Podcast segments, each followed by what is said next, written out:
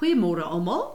Ons is in die maand van Tishri wat Saterdagmiddag begin het, uh, terwyl ons dan ook Rosh Hashanah, the head of the year begin het en ek wil vanoggend sommer net 'n opsomming vir ons gee van die belangrikheid van die seisoen waarin ons is.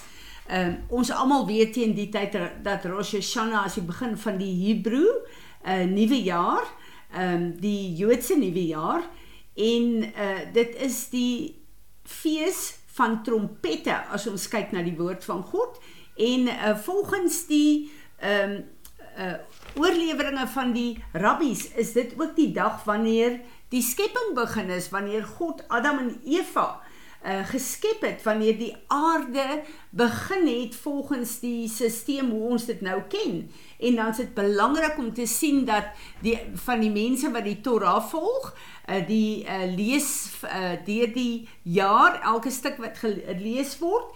Uh, in hierdie tyd begin alles weer by Genesis 1 uh ehm uh, wat uh, Barashit is.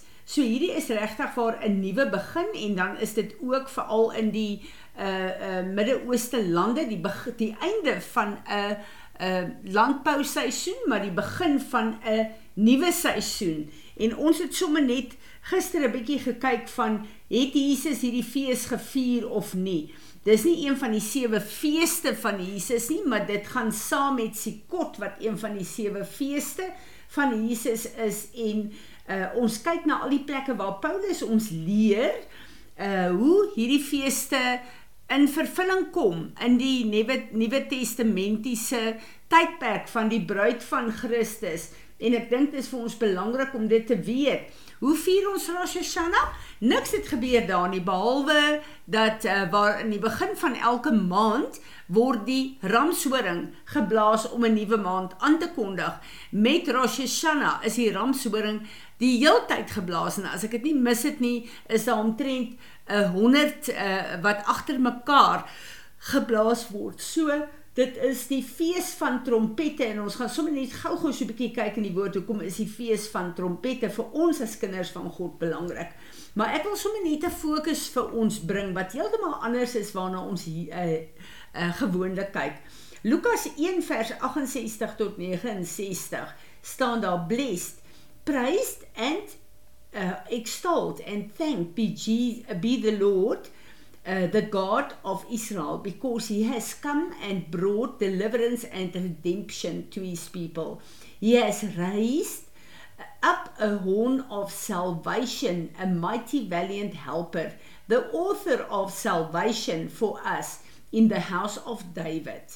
Nou hier is dit baie duidelik dat Jesus is die uh trumpet, die trompet. Jesus is die shofar wat God vir ons gebring het. So ons weet dat Jesus is die woord, 'n shofar gaan oor klank wat uitgestuur word. Jesus het gekom en hy die woord lewendig laat word op aarde en hy die woord gespreek. Hy het letterlik 'n um, ehm, stem gegee aan die woord van God hier op aarde. So hy het gekom en hy het vir ons die weg gemaak met die woord om vir ons te wys dat die woord het krag en hy dit vervul op Golgotha. So wanneer ons kyk na the feast of trumpets, dan weet ons dat Jesus was God se trumpet en dat 'n uh, 'n uh, 'n gedeelte van die van the feast of trumpets het in vervulling gekom met hom wat aarde toe gekom het. Nou wil ek gou kyk na ehm um, skrifte wat Paulus vir ons geleer het. Een van die goed wat mense vra in hierdie tyd, het Jesus dit gevier? Natuurlik, Jesus was 'n Joodse seentjie wat groot geword het. Al die gebruike van Israel het hy gedoen, maar hy het gekom en hy was die vervulling van al die offers, van al die wette, van al die goed wat hulle gedoen het. Hy was die vervulling daarvan. En daarom deur sy dood en opstanding het hy 'n nuwe wet 'n vervulde, 'n verbeterde wet op plek gesit om te sê dat jy moet die Here jou God lief hê met jou hele hart, met jou hele siel, met jou hele verstand en so ook jou naaste. Want as ons dit in vervulling bring, is al die ander wette ook in vervulling. So dit is die wet wat Jesus, die verbeterde verbond wat hy vir ons na vore gebring het. Maar Uh baie interessant wil ek sommer net 'n paar skrifte ehm uh, lees vir ons Openbaring 1 vers 10 I was in the spirit uh wrapped in his power on the Lord's day. This the feast of uh, trumpets. And I heard behind me a great voice like the calling of a war trumpet. Uh wonderlik um, waar Johannes uh juis met 'n trompet geroep is.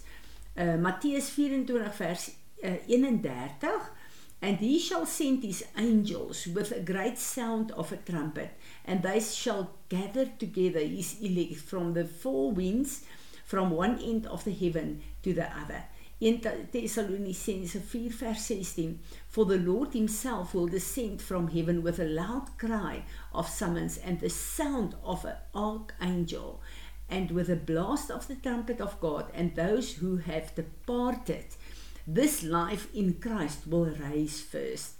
Belangrike skrif wat Paulus in uh, die eerste brief van die Korintiërs skryf, in a moment in a twinkling of an eye at the sound of the last trumpet call for a trumpet shall sound and the dead in Christ will become raised imperishable uh, and immune from decay and we shall be changed transformed. Hierdie is in 'n knip van 'n oog. Dis nie 'n stadig opgaan na die wolke of laat ander mense dit sien nie.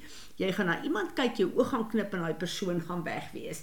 Dis dieselfde woord wat hier gebruik word met Filippus toe die uh, gees van God Filippus weggevat het om te gaan uh, preek vir die Ethiopiër.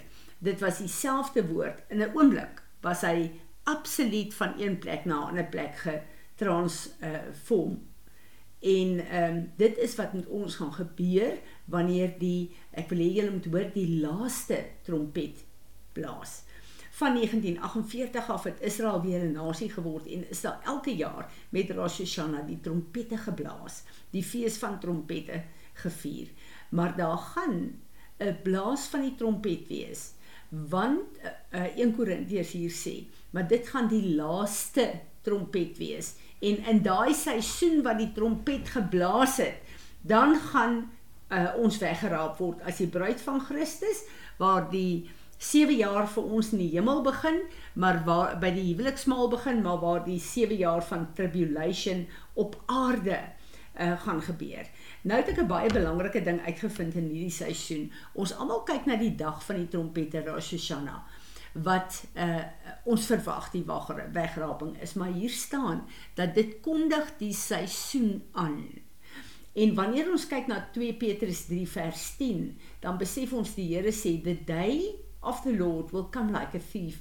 The heavens will disappear with a roar. En dan staan daar uh dat niemand van ons gaan die dag of die uur weet nie. So wanneer ons hierna kyk, dan weet ons daar is 'n laaste trompet wat gaan blaas wat die seisoen gaan aankondig. Ehm um, wanneer Jesus gaan kom en uh, Matteus 25 vers 13 sê vir ons watch therefore give strict attention be cautious and active for you know neither the day nor the hour when the son of man will come. So ons gaan nie die dag of die uur weet nie. Dit sê die woord duidelik, maar ons gaan die seisoen weet en dit is wat hierdie laaste trompet vir ons aangekondig het die seisoen waarin Jesus kom. Nou as ons kyk na Tishrei, as ons kyk na na die jaar waarin ons staan, dan is dit die jaar 57. Dit het nou 84 geword. Ons het baie gepraat dat dit deur is, dis hekke wat gaan oopmaak en uh dat dit 'n nuwe seisoen vir ons aankondig vir my is dit altyd so 'n groot voorreg om te weet die Here gee vir ons, hy waarsku ons, hy leer ons oor die seisoene dat ons voor die tyd kan repent en ons het almal 'n tyd van repentance gehad. En ons moet onthou dat uh, hierdie is die plek waar ons onsself weer kan toets elke jaar en skoonmaak en kyk, is ek gereed as hierdie die jaar is wat hy kom, is ek gereed om saam met hom te gaan en uh die feeste is vir my altyd so 'n uh, 'n uh, groot genade vir God hieroor.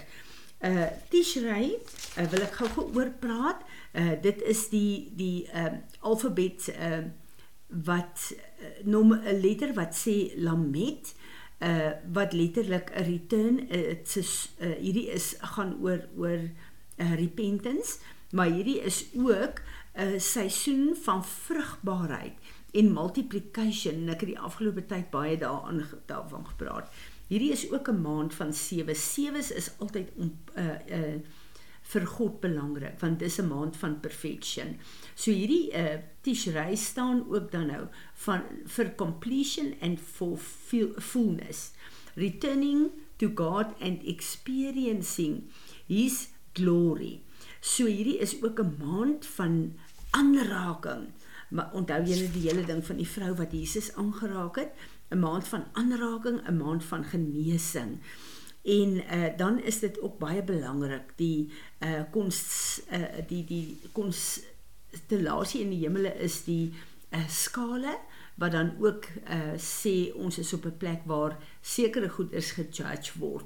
En dit is hoekom dit so belangrik is dat ek en jy eerste in repentance was dat ons weet dat ehm uh, uh die werke van die vyand in ons lewe kan gejudge word na ons repentance maar dat ons in God se genade lewe ons moet altyd onthou dat God se troon sê uh, ek dink is Psalm 89 se fondasie is geregtigheid en oordeel Ek en jy is die geregtigheid van Jesus Christus deur sy bloed. Prys die Here daarvoor.